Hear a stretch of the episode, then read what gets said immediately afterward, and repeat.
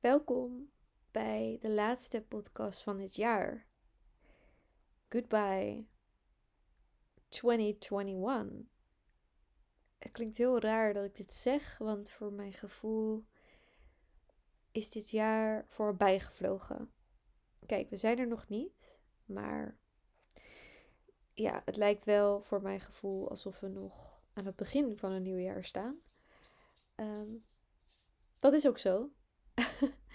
maar ik bedoel meer, ik heb het gevoel dat we nog ergens in het midden van 2021 zitten. Maar 2022 staat voor de deur. En dit is dan ook de laatste podcastaflevering van dit jaar. En voordat ik de podcastaflevering begin, wil ik even mededelen dat ik een kortingscode heb. Deze heb ik op Instagram al gedeeld. Ehm, maar ik heb speciaal een nieuwe kortingscode aangemaakt voor de mensen die naar de podcast luisteren. En met de kortingscode podcast 50 krijg je 50% korting op de astrologiecursus. Als je meedoet kun je meteen beginnen. Uh, leuk voor tijdens de feestdagen of als je even niks te doen hebt tussen kerst en oud en nieuw. Ehm, dat wilde ik even mededelen. Uh, de astrologiecursus is voor mensen die geïnteresseerd zijn in het uitpluizen van hun eigen geboortehoroscoop. En eigenlijk naar hun eigen geboortehoroscoop kijken en denken van, oei, waar begin ik? Wat betekent deze lijn? Wat betekent dit huis? Um, ik leg alles zo makkelijk mogelijk uit. En ja, tot nu toe hebben heel veel mensen heel veel plezier aan de cursus. Dus ik hoop dat je met deze code blij bent. Um, zie het als een klein cadeautje van mij naar jou. Dus dat is de kortingscode podcast50. Deze aflevering gaat over het jaar 2021. De lessen van 2021. En als je hier bent om naar een podcast te luisteren over astrologie, dan zou ik deze episode even skippen. Ik ga het wel over astrologie hebben, maar meer over hoe het mijn leven heeft beïnvloed dit jaar. En dan beginnen we ook gelijk met mijn solar return. Even voor de duidelijkheid: een solar return chart is de terugkeer van de zon in je chart. Dus de dag waarop je jarig bent. De dag waarop de zon precies staat hoe hij stond op het moment dat je geboren werd. ik gebruik zelf de solar return veel als astroloog. Omdat Ehm, ja, ik werk solo returns uit voor mijn klanten en ik kijk naar het jaar. Ehm, ja, eigenlijk door heel het jaar heen kijk ik heel vaak naar mijn eigen solo return. Omdat de solo return chart onthult wat je de aankomende, ehm, ja, wat je het aankomende jaar kan verwachten. Dus van verjaardag tot verjaardag. En bij mij is de solo return ieder jaar zo accuraat geweest dat ik er heel erg op vertrouw. Dit jaar had ik een erg uitdagende solo return. Ik begon vorig jaar, nou ja, maanden voor mijn verjaardag, al aan collega's te vragen van wat zij dachten. Mijn collega's, uh, ja, met collega's bedoel ik dus eigenlijk andere astrologen. En zij zagen ook dat het een pittig jaar zou worden. En ik voelde het al aankomen, maar ik kon het nog niet helemaal plaatsen. Het leek alsof mijn leven in één keer een 180 zou maken. En ik begreep er niets van. Want op dat moment dat ik mijn solo return voor het eerst bekeek, zat ik in zo'n goede flow en mijn leven ging eigenlijk ja, echt de goede kant op. Dus ik was ook wel verrast. Uh, maar ook wel weer klaar voor wat meer intensiteit. Maar ik had nooit verwacht dat het zo zou lopen. Ik wil het daarom hebben over de dingen die ik dit jaar heb geleerd. Op het gebied van liefde, op het gebied van werk en op het gebied van zelfontwikkeling. En deze drie dingen speelden dit jaar een grote rol in mijn leven. En natuurlijk nog steeds. Ik zit nog steeds in die achtbaan. Ik hang ondersteboven en ik zie de loopings niet aankomen. En ik weet ook niet zo goed hoe lang dit ritje nog gaat duren. Maar dat is onbelangrijk. Wat belangrijk is, is dat ik de ups en downs steeds makkelijker kan hebben. Zo'n vrijval is eng, maar ik weet ook dat alles goed komt. En even voor de astrologieliefhebbers onder ons. Ik heb deze solar return de zon, de maan, Mercurius en Venus in het achtste huis. Mercurius ook. Uh, Mercurius liep retrograde. Mars staat in het negende huis en Saturnus in het derde huis. Dit geeft eigenlijk aan dat het pittig is. Het achtste huis staat voor dood, voor wedergeboorte en voor transformatie. En als je alle persoonlijke planeten tijdens een solar return in één huis hebt staan, dan geeft dat aan dat daar heel veel focus naartoe gaat. En ik kan wel stellen dat het voelt alsof ik dood ben. Niet op dit moment, maar ik ben dit jaar wel twee keer gestorven. Door dingen die ik over mezelf heb geleerd. Waardoor de oude versie van mezelf eigenlijk niet meer bestaat. En ook door ja, alle dingen die ik heb geleerd en die ik daarom ook zo graag met jullie wil delen. Ik heb dit jaar zoveel geleerd dat ik goed na heb moeten denken over de dingen die ik wilde delen en hoe. Zodat het voor jij die nu luistert misschien resoneert of misschien dat je iets hebt aan de lessen. Dat is natuurlijk altijd mijn missie, om de dingen die ik leer te delen. Wat ik vooral bijzonder vind of blijf vinden, is dat wanneer je je focust op je eigen pad, op je eigen healing, het universum meteen tegen je begint te praten. En dit klinkt misschien heel erg woehoe, maar voor mij is het heel erg logisch. Wanneer jij bewust voor jezelf gaat zorgen en je dus bezighoudt met wat goed is voor jou, voor jouw lichaam, voor jouw geest, wordt je pad een stuk duidelijker. Daarom is bewust leven zo, zo, zo belangrijk. Wanneer je bewust bent en bewust leeft, kun je geen verkeerde keuzes maken. Je richt je namelijk op je hogere zelf, your higher self. En deze wil altijd het beste voor jou. Je hogere zelf zegt nee tegen dingen die op dit moment misschien goed voelen of een bepaalde behoefte vervullen, maar op langere termijn niet goed voor je zijn of je juist weer houden van wat jou echt gelukkig maakt. En dit is voor heel veel mensen moeilijk. Dit is waarom mensen in bepaalde relaties blijven, omdat het een vorm van stabiliteit geeft. Dit is waarom mensen ongezond blijven eten, omdat het smaakpapillen prikkelt. Of waarom mensen een bepaalde baan aanhouden. Nogmaals, vanwege zekerheid. En dit heeft allemaal te maken met je comfortzone. Je bent gewend geraakt aan ongezonde gewoontes Wanneer je stress ervaart, zoekt je brein eigenlijk naar, ja, naar de snelste manier om van die stress af te komen. En wat werkt sneller? Binnen een minuut een sigaret aansteken en oproken of 10 minuten mediteren. Of voor een ander is dit misschien een worstenbroodje in de oven gooien en opeten.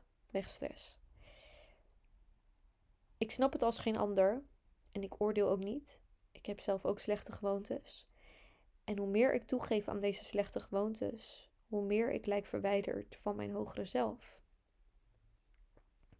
Dan denk ik terug aan 2017, een jaar waar ik gedwongen werd om aan mijzelf te werken. Het was mijn eerste echte spirituele ontwaking. Ik kwam uit een mega slechte relatie waar ik constant in staat van verwarring leefde. Ik ben gediagnosticeerd met PTSS, een posttraumatische stressstoornis, en binnen deze relatie ben ik emotioneel echt gebroken. Ik was uitgeput, ik was depressief.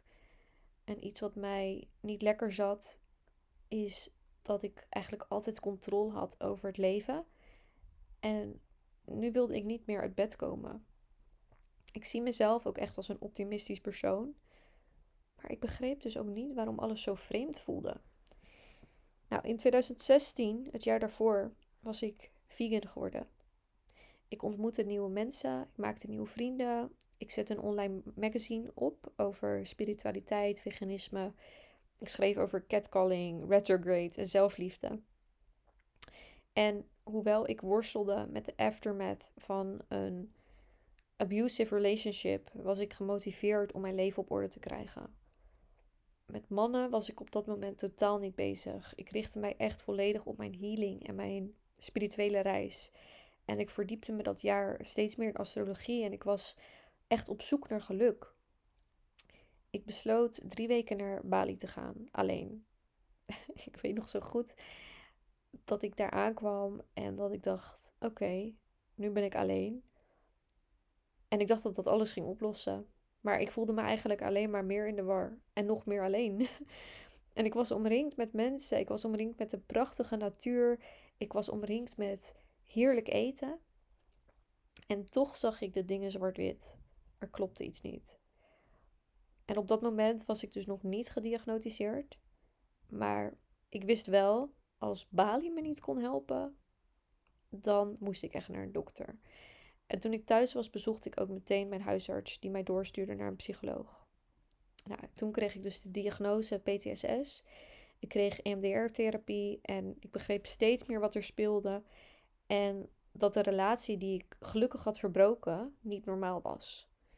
Dus eigenlijk, ja, ik werd steeds bewuster van wat er nou eigenlijk was gebeurd. Want ik was in zo'n verwarrende staat dat ik het heel erg moeilijk vond om dingen vanaf de zijlijn te bekijken. Ik zat er nog steeds heel erg in. En als je PTSS hebt, dan begrijp je wat ik zeg. Ehm, het is heel erg moeilijk om je los te koppelen van de situatie of van, de, van het trauma. En eigenlijk was ik toen al onbewust mijn healing journey begonnen. Ik zocht naar hulp en ik zocht naar antwoorden. En een van mijn passies is dan ook echt begrijpen. Ik ben niet voor niets astroloog. Ik wil bij de kern komen. Oké. Even fast forward naar dit jaar. Ik dacht dat ik mijn portie heling, zelfontwikkeling en uitdagingen wel had gehad. Mijn leven is tot nu toe een achtbaan geweest. En soms heb ik stukken waar het karretje oneindig naar boven lijkt te rijden. Ik wacht dan op een vrije val, maar die komt dan maar niet. En dan besluit ik mijn riemen los te maken en de achtbaan stop te zetten. Laat maar. Ik zoek wel een nieuwe achtbaan. Op andere momenten word ik om de vijf minuten door elkaar geschud. En voel ik me het ene moment zo high en het andere moment zo low. Maar ja, je kunt begrijpen, in een achtbaan zijn de uh, pieken heel hoog en de dalen heel diep. En bij mijn emoties is dat ook zo.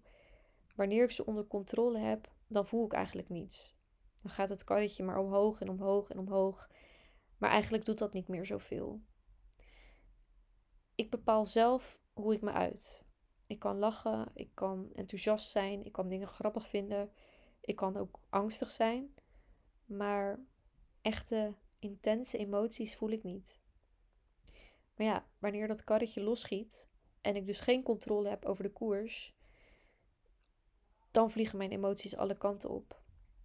Omdat ik mijn emoties niet goed kan reguleren en hier nu eindelijk bewust van ben geworden dit jaar, weet ik dat ik van die slechte gewoontes af moet. Ik wil me richten op mijn higher self, op die hogere zelf. Die fuck yes die ik ooit voor het leven had, die wil ik terug. En ik zit op een punt in mijn leven waar ik die healing journey weer aan wil gaan. Want we moeten allemaal helen. Als je een keer goed op je bek gaat en een pleister plakt, betekent dat niet dat die pleister je voor altijd gaat beschermen. We gaan nog wel een paar keer vallen. En life is an ongoing healing journey. Alleen je moet het wel willen. Als je op de grond blijft liggen, dan kom je niet zo ver.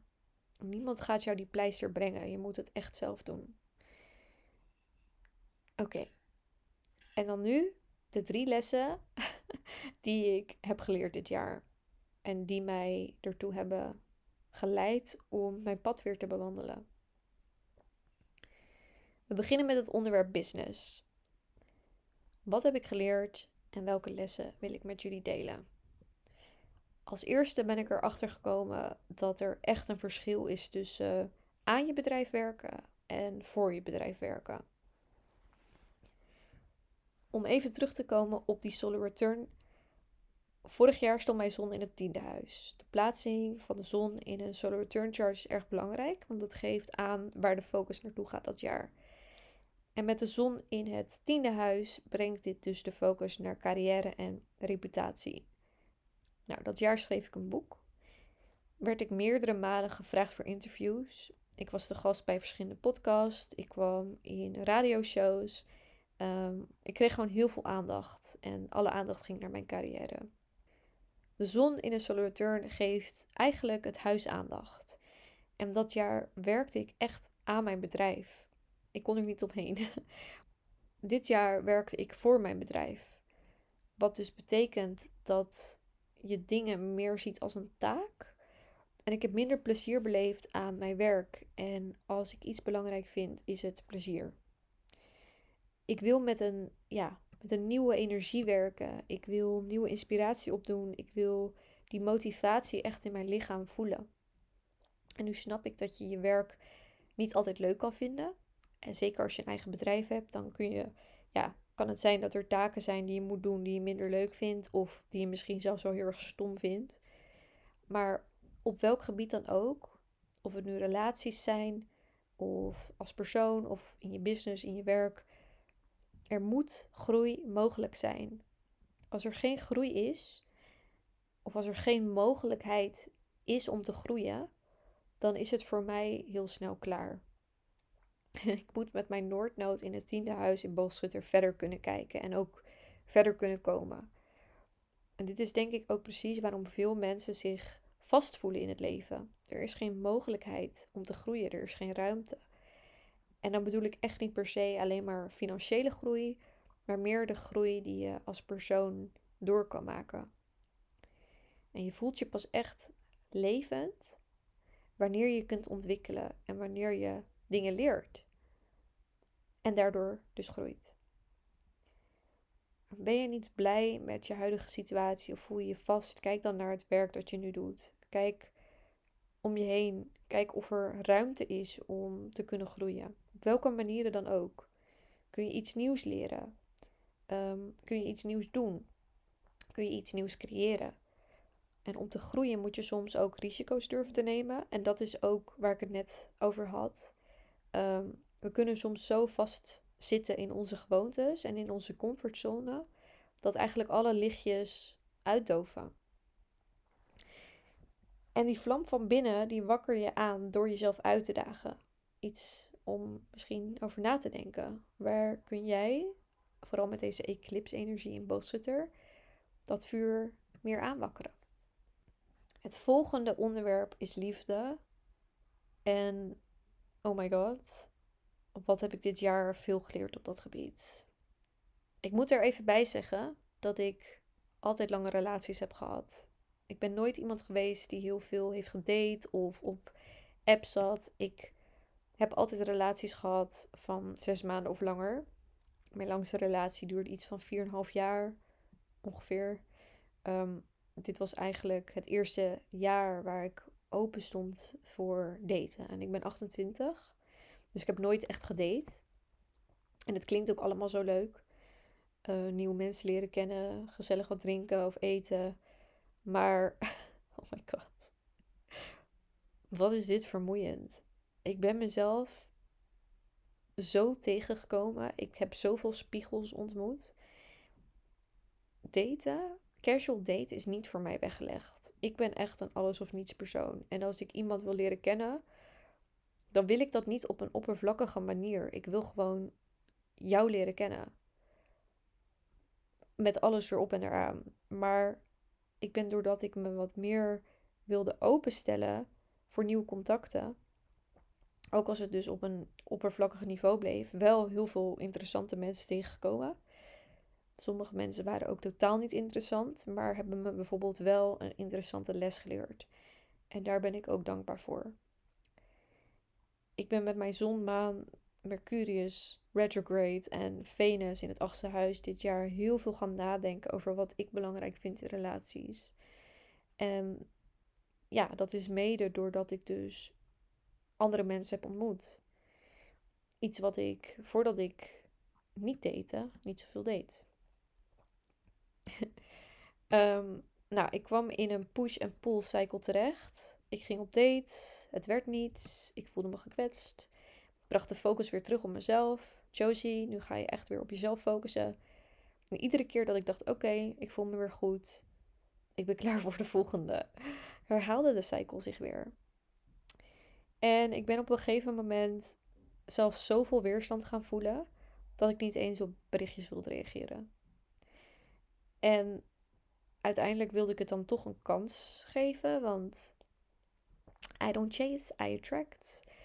Ik moet er ook even bij zeggen dat ik nooit uit mezelf een berichtje heb gestuurd naar de mannen met wie ik op date ben geweest.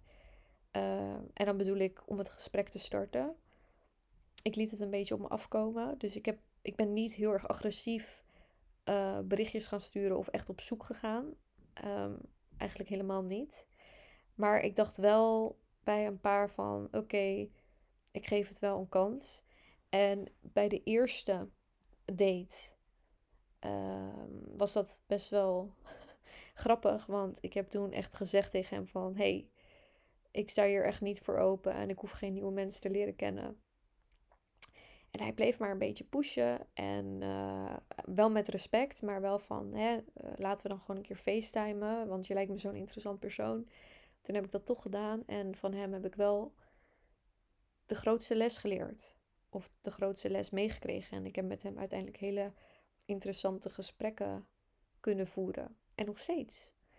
Ik stond er wel voor open, maar dan, ja, dan moet het wel natuurlijk gaan voor een relatie. Ik moet echt een fuck yes voelen naar mezelf en naar de ander. En die heb ik wel een paar keer gevoeld. Maar dan was de ander niet op zoek naar een relatie en kon naar gezelligheid. En ik ben heel gezellig, maar ik heb geen zin om gezellig te doen met iemand bij wie ik dan toch mijn tijd en energie ga verdoen. Ehm, daar ben ik te gevoelig voor. En dat is iets wat ik ook heb onderschat. Ik ben heel gevoelig. En ehm, als je zelf bindings- of verlatingsangst hebt, dan begrijp je wat ik bedoel. Casual daten is dan echt een bitch. En het duurde even voordat ik dat door had. Nou ja, drie dingen die je moet onthouden als je aan het daten bent. Iets wat ik je wil meegeven. Bedenk voor jezelf: wat wil ik? Wat zijn mijn behoeftes? En uh, wat zijn mijn behoeftes op dit moment? En wat wil ik dus als ik een ja, als ik ga daten of als ik een relatie aanga? Mijn advies: ga niet in zee of ga niet op zoek naar iemand die niet op dezelfde lijn zit als jij. Bespaar jezelf de energie, de tijd en de moeite.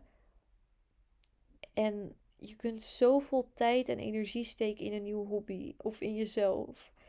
Als jij een relatie met iemand wil en die persoon zegt tegen jou, zeker als het een man is, dat hij niets wil, geloof hem dan. geloof hem meteen. En verwijder zijn nummer als het moet. Waardeer zijn eerlijkheid. Bedank hem daarvoor. Want niet iedereen durft te zeggen wat ze willen. En zoek iemand die jou wel serieus neemt. Of geef iemand een kans die zegt: Ja, ik wil ook een relatie. En laten we kijken waar het naartoe gaat. Oké, de tweede les. Of het tweede wat ik je wil meegeven. Je verdient liefde. En liefde zal je nooit en never verward laten voelen. Iemand die goede intenties heeft, pure intenties en gek op jou is, zal jou nooit verwarren. Je kunt uren spenderen aan het coderen van geheime boodschappen. Een persoon kan zoveel zeggen. Woorden zijn heel makkelijk uit te spreken. Maar als woorden en daden niet overeenkomen, lief. Je verdient iemand die jou geeft wat jij bereid bent om een ander te geven. Mijn advies is om je tijd niet te verspillen aan een relatie die jou in de war maakt. Als je over je grenzen heen gaat, dan respecteer je jezelf niet. En als jij jezelf niet respecteert, is het heel makkelijk voor een ander om over jouw grenzen heen te gaan. En zo blijf je eigenlijk jezelf pijn doen. En als laatste, ehm, ik ben het niet eens met de uitspraak: You can't love someone if you can't love yourself first. Dus begin geen relatie als je nog niet van jezelf houdt. En ik snap het ergens wel. Zelfliefde en acceptatie zijn belangrijk. Maar dat zou betekenen dat iemand anders dus ook niet ja, van ons mag houden als we nog niet helemaal geheeld zijn of ons nog niet helemaal compleet voelen. Maar het ding is dus, We zijn nooit helemaal compleet. En we zijn nooit helemaal geheeld. We helen constant. Of in ieder geval steeds opnieuw. Op verschillende manieren. We zijn nooit klaar met onze healing journey. We raken dus ook nooit compleet of perfect. Dat is een illusie die je heel snel uit je hoofd moet zetten. Er bestaat niet zoiets als de perfecte of complete zelf. Het leven verandert constant. Onze kijk op dingen en ons gevoel bij mensen en situaties veranderen constant. Het leven gaat om transformatie. Het leven gaat om dood.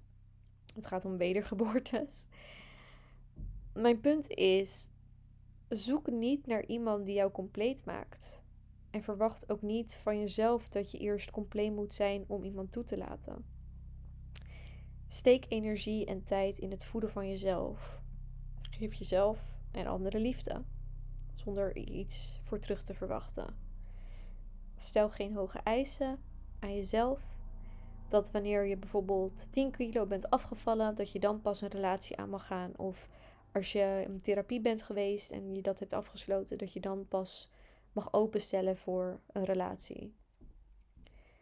Als je niet openstaat voor liefde van anderen, kun je ook geen liefde aan jezelf geven. Kortom, zie healing en self-love journey niet als een doel om jezelf perfect te krijgen voor een relatie. Zie healing en self-love journey als een nieuwe gewoonte, iets dat bij jouw leven hoort en niet als een shortcut to the perfect relationship.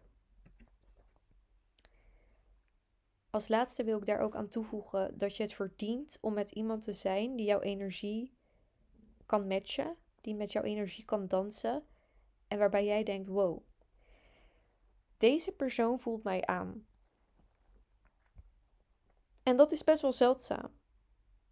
En dat is misschien even zoeken. Maar nogmaals, settle niet voor iemand of voor een relatie waarbij alles meer energie kost dan dat het geeft so far for my dating advice. Als laatste zelfontwikkeling. Ik heb al best wel veel gedeeld in deze aflevering over zelfontwikkeling. En eigenlijk gaat heel deze aflevering over zelfontwikkeling. Maar één les die ik wil meegeven is het volgende. Het hoogste rendement op een investering is wanneer je in jezelf investeert. Nogmaals, het hoogste rendement op een investering is wanneer je in jezelf investeert. Go do it. Maak een lijstje met manieren om in jezelf te investeren. Ik doe dat bijvoorbeeld, um, tenminste, ik heb dat in het begin van dit jaar gedaan op basis van de huizen in astrologie. Dus ik heb een lijstje gemaakt met de huizen en dan begon ik bij huis 1. Uh, eh, nou ja, mijn uiterlijk en de manier waarop ik mij aan de wereld laat zien. Huis 2, mijn financiën en bezittingen. Huis 3, ehm, mijn directe omgeving en communicatie. Huis 4, thuis en familie. Huis 5, plezier, seks, hobby's en romantiek. Huis 6, routine, gezondheid en mijn werk. Huis 7, één op één relaties en samenwerkingen. Huis 8. Financiën. De financiën van een ander. Intimiteit en transformatie. Huis 9.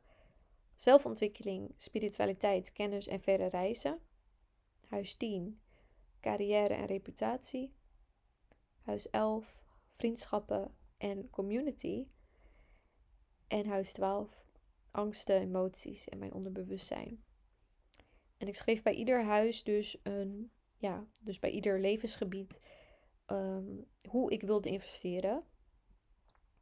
Wat kon ik per huis doen om er beter uit te komen? En I'm still not there. Maar een paar dingen die ik heb gedaan om mezelf meer te ontwikkelen. Ehm, ik geef een paar voorbeelden, maar dit is dus super persoonlijk en voor iedereen anders. Dus doe vooral waar jij je goed bij voelt. Ik ben begonnen met therapie. Ik ben begonnen met vrijwilligerswerk. Um, ben ik nu op dit moment wel mee gestopt. Maar dat is wel iets wat ik wel weer wil oppakken. Um, ik ben heel veel boeken gaan luisteren.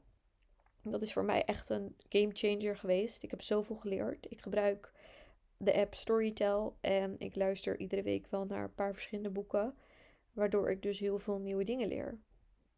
Ehm, ik ben gaan journalen. En ik journalde eigenlijk altijd al wel, alleen niet iedere dag. En nu schrijf ik echt iedere dag in mijn journal, waardoor ik echt nog meer bewust ben van mezelf en van de groei en van de goede dingen, maar ook de slechte gewoontes en gedachten. En ja, dat is echt heel erg mooi om dat vast te leggen in een journal, omdat je, uh, je kan echt teruglezen en kijken van wow, ik ben echt zo erg veranderd. En um, ik denk dat dat ook heel erg motiverend werkt.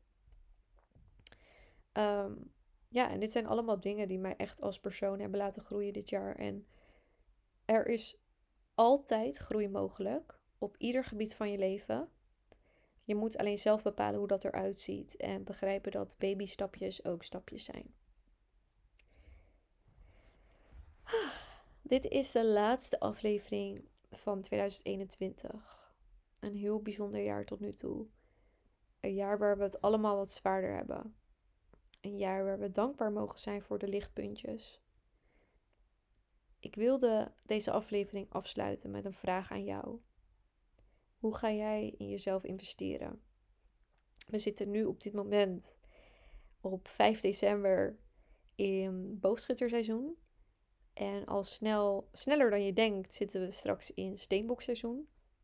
Steenbok staat voor hard werk, ambities, persoonlijke doelen, ehm, strategie, dedicatie.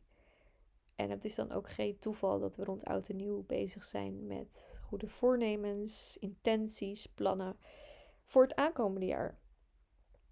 En wat als jij in 2022 meer focus legt op jouw heling en peace of mind? Want vergeet niet, wanneer jij je focus op jezelf legt, dan zorgt het universum voor jou. Ik hoop dat je deze aflevering inspirerend vond. Mocht dat zo zijn, maak dan een screenshot en tag me in je story. Als je op dit moment een energieshift voelt tijdens het luisteren van deze aflevering, volg me dan vooral op Instagram, waar ik aankomende tijd nog meer over mijn eigen healing journey deel. Ik deel tips die mij helpen om mij met mijn hogere zelf te verbinden.